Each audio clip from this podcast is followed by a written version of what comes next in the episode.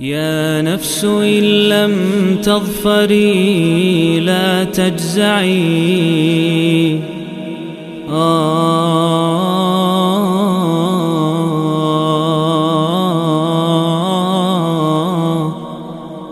Bismillahirrahmanirrahim Alhamdulillah Wassalatu wassalamu ala rasulillahi amma ba'd Para hadirin sekalian ini adalah Surat Al-Mursalat surat ke-77 Dalam perjalanan kita mengkaji 114 surat dalam Al-Quran Dan surat Al-Mursalat merupakan penghujung dari juz 29 Dia merupakan surat Makiyah yang turun setelah surat Al-Humazah dan sebelum surat Qaf. Surat ini tepat berjumlah 50 ayat dan disebut dengan Al-Mursalat diambil dari ayat pertama dari surat ini wal mursalat urfa yang artinya demi malaikat-malaikat yang diutus membawa kebaikan.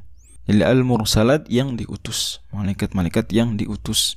Dan ini berhubungan erat ya dengan tema besar dari surat ini karena tema besarnya adalah peringatan bagi penentang. Peringatan berkali-kali lebih tepatnya mungkin peringatan berkali-kali ya bagi para penentang. Disebut dengan e, berkali-kali karena Allah Subhanahu wa taala di surat ini akan mengulang satu ayat yang diulang 10 kali. Jadi mirip-mirip surat Ar-Rahman, surat Asy-Syu'ara, surat Al-Qamar ada kata atau kalimat ya, kalimat ya, atau ayat yang diulang-ulang. Kalau di sini adalah wailu yauma lil mukadzibin. Celakalah pada hari tersebut bagi orang-orang yang mendustakan, bagi orang-orang yang tidak percaya. Pertama Allah sebutkan di ayat ke-15 kemudian terus nanti berkali-kali sampai sebanyak 10 kali. Dan itu kecelakaan bagi orang-orang yang tidak percaya dengan Islam pada hari kiamat nanti. Celaka mereka. Ini kan peringatan. Peringatan berkali-kali bagi para penentang. Hubungannya apa hubungannya dari kata al-mursalat yang diutus.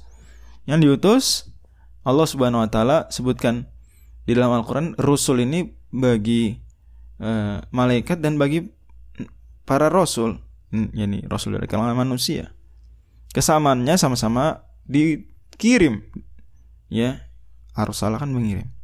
Dikirim diutus untuk satu kepentingan. Malaikat diutus ya untuk tujuan-tujuan tertentu untuk uh, job desk job desk tertentu pun para rasul demikian. Dan diantar tugas utama rasul adalah bahkan di sebagian ayat dikesankan hanya itu tugasnya. Inama antan munzir. Sungguh engkau hanya pemberi peringatan. Adalah tugasnya memberikan peringatan. Jadi ini korelasi nama surat al-mursalat dengan tema besar dari surat ini dan surat ini memang penuh dengan peringatan karena uh, dominan walaupun ada juga ayat tentang surga tapi dominannya adalah tentang Eh, hal-hal yang membuat manusia semakin takut kepada Allah Subhanahu wa taala berhenti dari berbuat salah dan segera kembali kepada Allah Subhanahu wa taala. Allah Subhanahu wa taala juga ya menyebutkan untuk menopang tema besar tadi misalnya menyebutkan beberapa hal. Di antaranya adalah awal suratnya itu sendiri. Allah firmankan setelah berfirman wal mursalati urfa demi para malaikat yang diutus membawa kebaikan dan para nabi pun diutus membawa kebaikan dan para nabi juga mendapatkan ajaran kebaikan dari malaikat Jibril. Allah bilang di ayat kedua, fal asifati asfa dan juga malaikat-malaikat yang terbang dengan kencang. Wan nasyirati nashra dan malaikat yang menyebarkan rahmat Tuhan, rahmat Allah Subhanahu wa taala dengan seluas-luasnya. Fal fariqati farqa malaikat-malaikat yang membedakan antara hak dan batil dengan sejelas-jelasnya. Ini mirip dengan tugas para nabi juga. Para nabi ya dakwahnya luar biasa Para nabi menyebarkan ajaran Allah seluas-luasnya dan juga rahmatnya seluas. Ajaran Allah mengandung rahmat. Para nabi, para rasul membedakan hak dan batil. Kemudian kata Allah fal mulqiyati dzikra dan juga demi malaikat-malaikat yang menyampaikan peringatan mulqiyat pengingat dzikra atau wahyu pun itu dilakukan para nabi dan rasul. Uzran aw nuzra untuk menolak alasan-alasan ini sebagai uzur ya tidak lagi berguna kalau kalian beralasan di depan Allah, kami belum pernah dapat peringatan ya Allah. Enggak berguna orang sudah disampaikan, sudah disebarkan. Au nudhra dan juga atau pemberi peringatan. Tuh. Jadi tegas sekali tema besarnya secara gamblang Allah sebutkan di ayat-ayat dari surat ini. Habis itu Allah bilang apa? Inna matu'aduna lawaqi lagi-lagi bicara tentang ancaman. Sungguh yang kalian diancamkan kepada kalian pasti terjadi.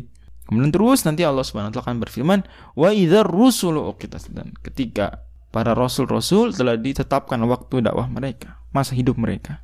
Demikian. Kemudian sampai akhir surat pun Allah Subhanahu wa taala tekankan hal yang sama. Wa idza qila lahum urka'u la yarka'un. Kalau disuruh mereka untuk ruku, untuk tunduk patuh pada Allah, mereka enggak mau. Akhir surat ayat ke-50, fa bi ayyi haditsim ba'dahu yu'minun. Maka perkataan apa lagi selain Al-Qur'an ini mereka akan imani.